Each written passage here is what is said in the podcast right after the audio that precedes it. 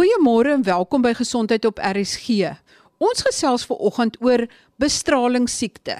En dit is na aanleiding van die onlangse mini-reeks wat op televisie te sien was oor die Chernobyl kernkragontploffing in Rusland. Daar het die mense bestralingssiekte opgedoen, die wat aan die direkte groot dosisse bestraling blootgestel was en die omgewing was ook daarmee besoedel en bestraal. Maar wat presies is bestralingssiekte? Ek gesels dus ver oggend met Dr. Sydney Karstens. Hy is by die afdeling beroepsgesondheid van die Universiteit van Stellenbosch se mediese fakulteit en ook by die Tygerberg Hospitaal. Dr. Karstens Ons het nou op televisie gesien hoe lyk die mense wat bestralingssiekte kry, maar presies wat is akute bestralingssiekte? Hallo Marie en hallo luisteraars. Aan kort is stralingssiekte eintlik 'n kompleks van siekte toestande wat verband hou met bestraling van 'n groot deel van die mens se liggaam oor 'n relatiewe kort tydperk. Die kompleks bestaan basies uit 'n algemene vel simptome en tekens wat 'n persoon mag ervaar vroeg in bestraling siekte, maar dit mag uitbrei om dan ook die spysverteringskanaal aan te tas wat ons dan noem die gastro-intestinale simptome en tekens van straling siekte en dan heel laaste kan dit ook die sentrale senuistelsel aantas waar jy op die ou end kan opeindig met totale onderdrukking van breinfunksie, koma wat volg en dan ook sterfte wat wat daarmee verband hou. So dis eintlik heeltemal 'n spektrum van siekte toestande wat verband hou met baie hoë vlakke van straling in kort. Dit is straling siekte.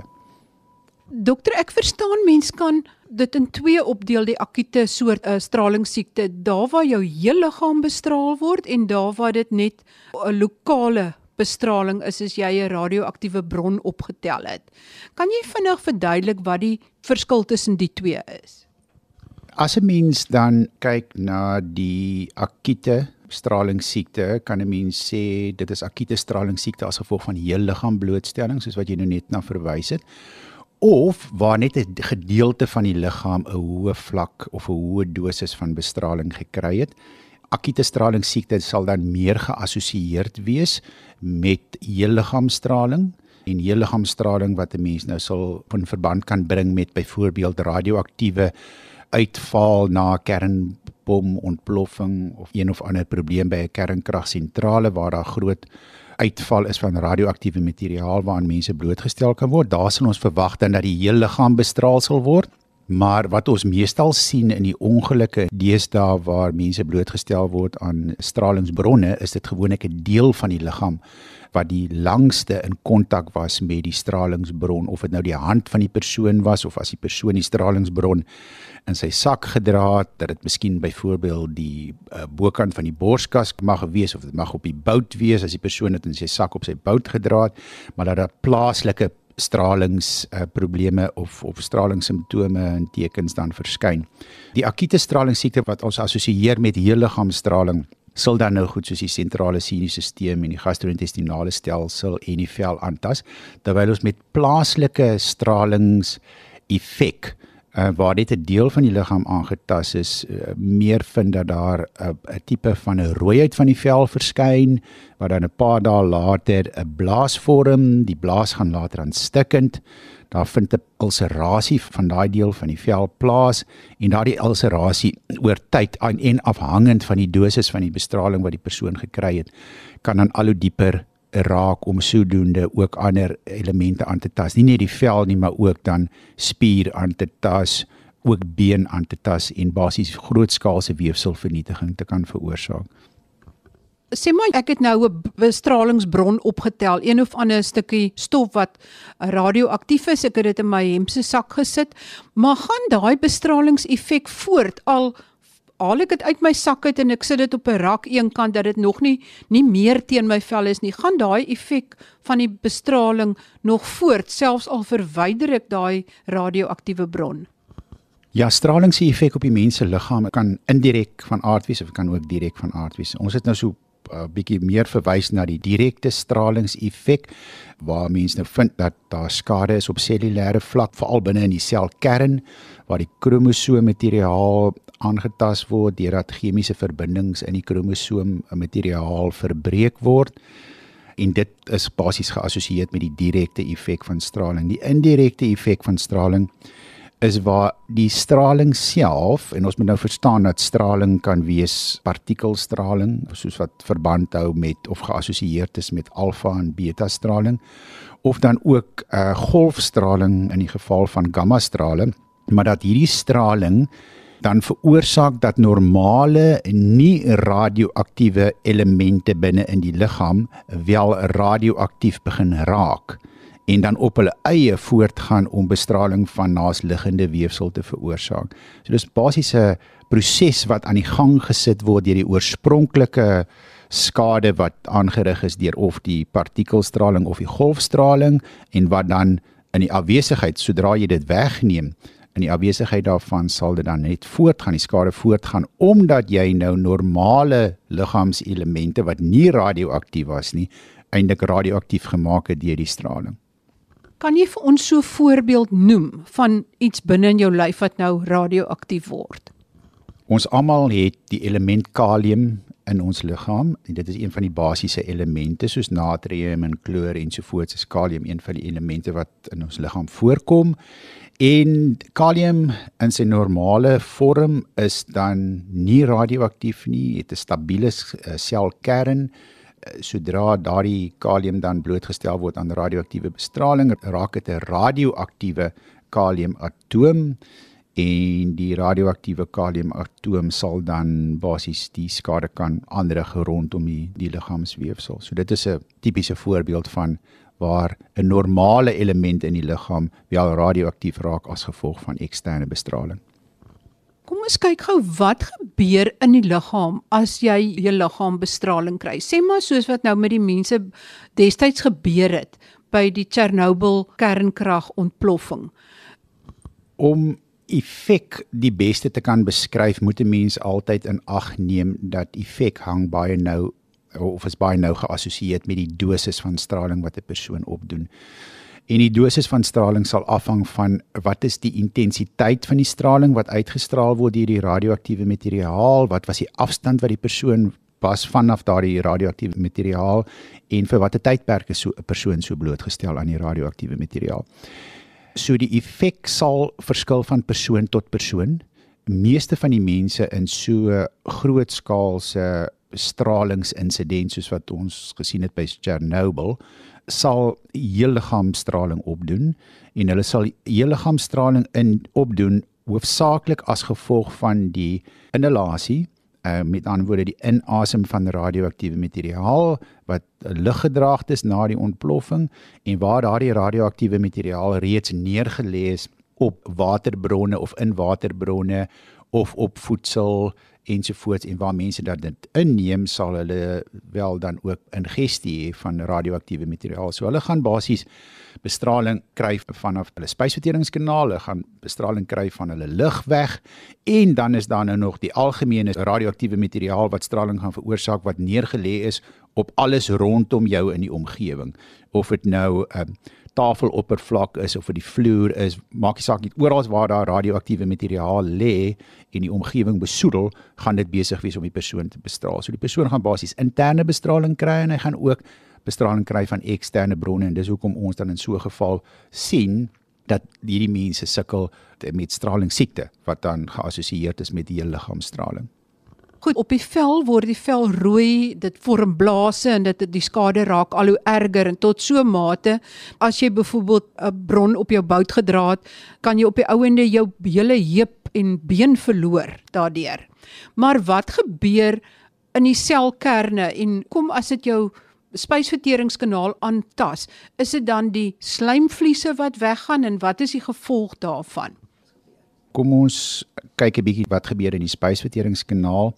As 'n persoon basies blootgestel is aan hoë dosisse van radioaktiewe straling, daar vind skade plaas in die selle wat die uh, gastro-intestinale kanaal of die spysverteringskanaal uitvoer. As gevolg van die skade en dat die selle en seldood wat intree, sal hierdie selle basies afgewerp word en sal die normale slijmvlieslaagie wat jy binne in die spysverteringskanaal kry nie meer teenwoordig wees nie as gevolg daarvan is daar 'n klomp ander probleme wat daarmee geassosieer is. Daar's ehm um, groot vogverlies wat dan plaasvind uit die spysverteringskanaal uit. Ehm um, daar's saam met die vog is daar ook elektrolytverlies. So die persoon begin vog en elektrolytsteene se toon saam met dit gaan daar gewoonlik naaruitbraking, diarree waar daar nog verdere vogverlies is vir die persoon. Daar mag bloeding ontstaan in die sentrale spysverteringsstelsel. Dis 'n redelike klompie probleme wat geassosieer is met die sentrale spysverteringsstelsel. Wat betref die sentrale senuistelsel, weer eens eh, gaan dit oor selbeskadiging wat moontlik mag lei tot seldood van ons sentrale senuistelsel self veral in die brein. Ons vind dat as gevolg van daardie skade daar breinswelling plaasvind as gevolg van die breinswelling is daar onderdrukking van die sentrale senuistelsel funksies en uiteindelik mag so 'n persoon dan in 'n koma verval en sterf. En ek dink een van die ander effekte van akute stralingsiekte wat ek nog nie eens aangeraak het vanoggend nie, wat waarskynlik een van ons belangrike siektekomplekse is wat geassosieer is met straling, is die effek op die beenmig of wat ons noem die hematopoietiese stelsel, die stelsel in die liggaam wat die selle maak wat in ons bloedstroom voorkom, ons rooi bloedselle, ons wit bloedselle en ons bloedplaatjies ensovoorts. Daar vind 'n totale onderdrukking van die beenmerg plaas, so daar's 'n verlaging in die aantal wit bloedselle en die aantal rooi bloedselle en 'n aantal bloedplaatjies wat sirkuleer in die persoon se se se bloedvatstelsel. Ons weet dat met 'n afname in wit bloedselle hulle is geassosieer met ons liggaam se immuniteit. So daar's 'n afname in ons liggaam se vermoë om infeksies te beveg. Afname in rooi bloedselle, daar's minder selle nou wat suurstof kan dra, so ons liggaam se suurstofdra vermoë is verminder. En as bloedplaatjies onderdruk word, is die stolvermoë van bloed aangetast. Akute stralingsiekte kan oor 'n wye front die liggaam benadeel en die vernaamstes het ek nou wel uitgelig, maar daar is ook ander effekte. Dit klink beslis nie na 'n tipe probleem wat mens wil opdoen nie. Uh dit klink na 'n baie onaangename uitgerekte pad na die dood. Ongelukkig kan dit 'n baie lang uitgerekte pad na die dood toe wees afhangende van die van die dosis waaraan die persoon blootgestel is. As die dosis laag is, het die liggaam wel normale herstelmeganismes op selkernvlak waar die beskadigde selle uitgesny kan word en die beskadigde dele binne in die kromosome kan basies uitgehaal word en vervang word met 'n nuwe deel. Maar soos die dosis toeneem, dosis van straling toeneem, word hierdie vermoë dan basies oorweldig en begin ons vind dat daar permanente selveranderinge en beskadiging intree. En ons weet mos nou dat selle is lewend van aard, hulle verdeel, so as ek een sel het wat beskadiging het op kromosoomvlak en hy verdeel gaan hy twee dogterselle vorm wat albei dieselfde beskadiging het op kromosoomvlak en hulle gaan elkeen weer twee dogterselle vorm en so word hierdie beskadiging basies oorgedra van selgenerasie tot selgenerasie en as hierdie skade dan nog ook voorkom in die uh, selle van die uh, voortplantingsstelsel soos in die vroulike eiersel of die manlike spermsel uh, vind ons dat hierdie skade dan ook oorgedra kan word na 'n volgende geslag toe met ander woorde na 'n baba toe as gevolg van die skade wat daar was in die eiersel of die of die spermsel van die van die ouers. Ons gesels vandag oor stralingsiekte hoë dosisse bestraling, hou dit verband met die ontwikkeling van timore later in die lewe en watter spesifieke timore dink mens dan aan? Ja, straling is een van die karsinogene. Ioniserende straling is 'n menslike karsinogeen, alhoewel daar baie ander karsinogene ook in die algemene handel en wandel van die mens uh, waaraan hulle blootgestel word. Maar ons weet dat langtermyn effek van straling van blootstelling aan ioniserende straling bo kan sekere dosis vlakke wel lei tot 'n verhoogde kans van kankers en die kankers wat veral geassosieer daarmee is is kankers van die beenmerg. Ons kyk spesifiek hier na die leukemie en dan ook uh, kankers van die skildklier of tiroïed.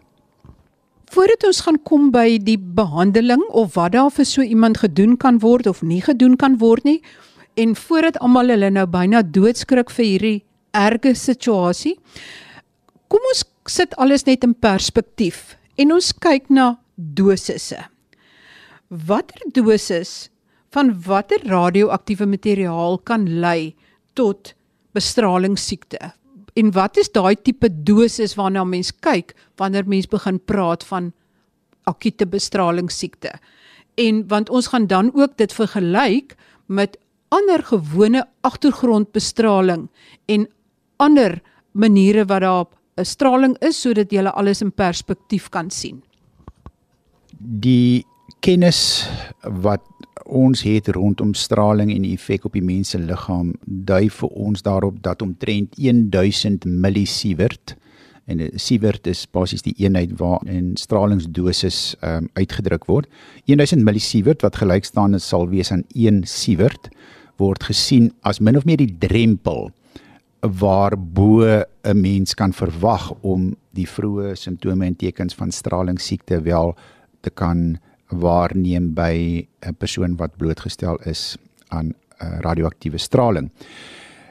Ons verwag egter die uitgesproke stralingssiekte eers om en by tussen 5 en 7 sievert, so 5000 tot 7000 millisievert en ek wil net baie graag hê dat die die luisteraars moet hierdie getalle in hulle kop hou wanneer ons nou praat oor die perspektief rondom stralingsblootstelling aan ander bronne net om 'n goeie vergelyking te kan tref van wat is die vlak van stralingsblootstelling in ander woorde dosis wat ons oor die algemeen inkry ehm um, sonder dat ons spesifiek aan 'n straling blootgestel word in 'n ongeluksituasie en so voort want ek dink dit sal dit vir ons makliker maak om te verstaan dat straling is 'n gevaar en dit kan 'n gevaar vir ons gesondheid inhou maar in lae dosisse is die gevaar baie baie minder.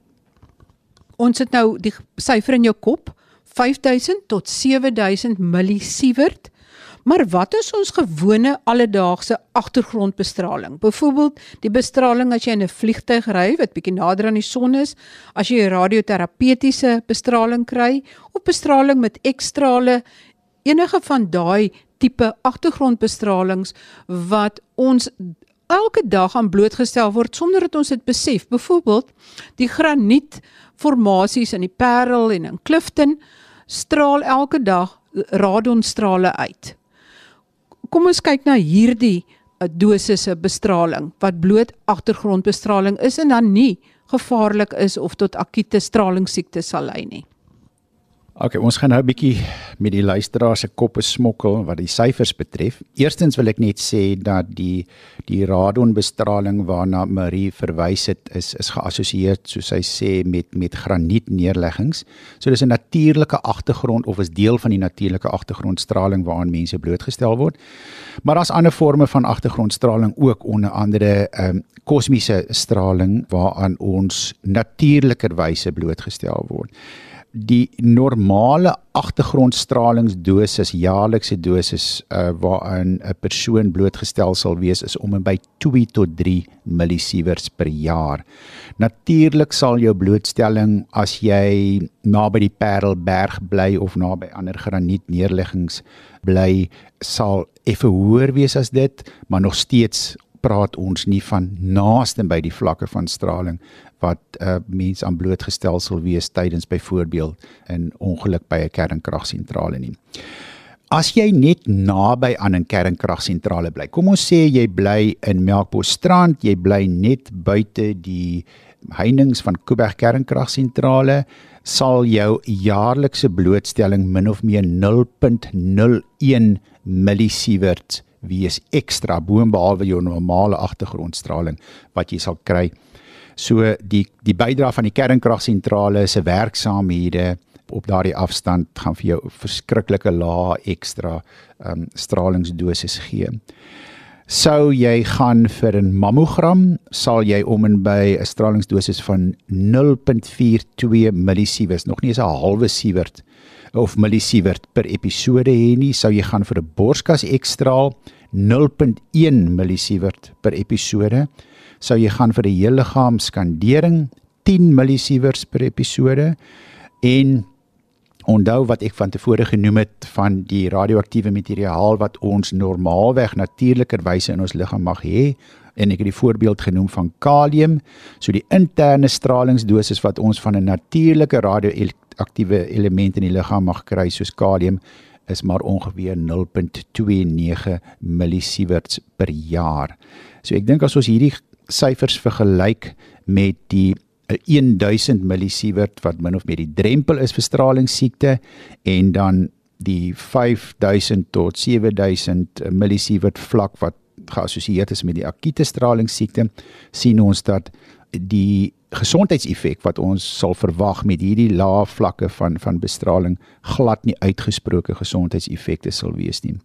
Om die waarheid te sê, het die en ek gaan dit nou in Engels noem die International Atomic Energy Agency IAEA het voorgestelde uh, vlakke vir die algemene publiek waar hulle sê die algemene publiek is nie veronderstel om meer as 1 millisievert stralingsblootstelling per jaar te kry nie en vir werkers byvoorbeeld iemand wat by voor in 'n in 'n omgewing werk waar radioaktiewe materiaal wel gebruik word is daar ook spesifieke riglyne soos nie meer as 20 millisieverts per jaar gemiddeld oor 'n 5 jaar periode maar nooit meer as 50 millisieverts in 'n enige spesifieke jaar nie.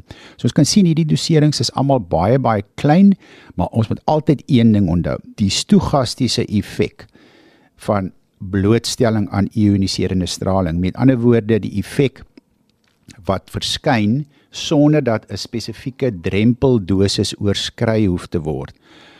Ongelukkig een van die stogastiese effekte van uh, blootstelling aan straling is kanker. Met ander woorde, ons kan nie sê dat daar regtig waar 'n totale veilige dosis is van blootstelling wat nie kan aanleiding gee tot kanker in 'n selgenerasie heelwat later nie.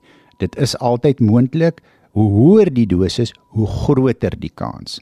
Ons weet egter dat teen hierdie dosisvlakke wat ons nou net van gepraat het, uh, ten opsigte van 'n borskas ekstraal en bly naby 'n kernkragsentrale ensovoorts, is die kans om kanker te ontwikkel as gevolg van stralingsblootstelling bitter bitter klein. Daar onthou net ons moet altyd die perspektief behou dat daar is ook ander karsinogene in die algemene omgewing en dat dit nie net ioniserende straling is wat tot kanker kan lei nie. Daar het mense nou 'n baie duideliker perspektief. Maar hier by Tygerberg Hospitaal en ek dink nie die algemene publiek is altyd so bewus daarvan nie, is daar 'n spesiale eenheid, 'n isolasie eenheid hier in die kelderverdieping waar Indien daar dalk 'n ongeluk by Kuiberg gebeur en die mense hoë dosisse bestraling aan blootgestel is dat hulle hierheen gebring sal word en hier behandel sal word. Vertel ons net so 'n bietjie meer van die eenheid en dan kan ons daarna gesels oor wat jy presies sal doen met iemand nadat hy aan bestraling blootgestel is. Een van die probleme wat geassosieer is met mense wat uit die werksomgewing blootgestel word aan radioaktiewe materiaal as gevolg van 'n ongeluk is dat boonbehalwe die feit dat hulle blootgestel is aan straling en dat hulle heel waarskynlik ook gekontamineer hulle is liggame hulle hulle klere is ook gekontamineer met radioaktiewe straling. So daar's aangaande straling wat plaasvind maar boonbehalwe dit mag hulle ook ander lewensbedreigende trauma hê as gevolg van die die ongeluk waaraan hulle was by die werksomgewing. As hierdie trauma hanteer moet word deur 'n hospitaal moet dit op so 'n manier gedoen word dat verdere kontaminasie van die omgewing tot 'n groot mate verhoed word. En nie net verdere kontaminasie van die omgewing nie, maar ook verdere kontaminasie van werkers van soos byvoorbeeld gesondheidswerkers, ambulanswerkers, verpleegpersoneel, dokters ensovoorts om die hele kwessie van die hantering van die beseerde stralingswerker wat ook moontlik gekontamineer mag wees te hanteer was dit een van die voorvereistes van die nasionale kernreguleerder dat Eskom wel so 'n gesondheidsorgfasiliteit beskikbaar het aangesien hulle die kernkragsentrale bedryf en daar's besluit om hierdie eenheid te vestig by Tygerberg Hospitaal. Die eenheid self het dan al die fasiliteite wat beskikbaar is vir die hantering van so 'n stralingsongeval. Ook teaterfasiliteit sou so 'n persoon chirurgie nodig hê, sal dit ook wel kan plaasvind in daardie eenheid. Die rede hoekom die eenheid uh, as 'n aparte eenheid bedryf word binne Tygerberg Hospitaal en eintlik soos Marie genoem het 'n tipe van isolasie eenheid is, is dat spesifieke instrumentasie is beskikbaar by die eenheid om die persoon te monitor ten opsigte van stralingsvlakke wanneer die persoon aanland binne die eenheid. Die hele hantering van die persoon binne in die eenheid word op so 'n mate dan gedoen sodat die personeel wat betrokke is uh, ten volle beskerm kan wees. Enige afvalmateriaal wat gegenereer word insluitend water wat gebruik word om die persoon byvoorbeeld te dekontamineer sou daar veld kontaminasie wees alles word opgevang en word dan beskik as radioaktiewe afval op 'n veilige manier byvoorbeeld by valpits uh soos waar Kuiberg kernkragsentrale se kernbrandstofmateriaal wat uitgeput is wel geberg word.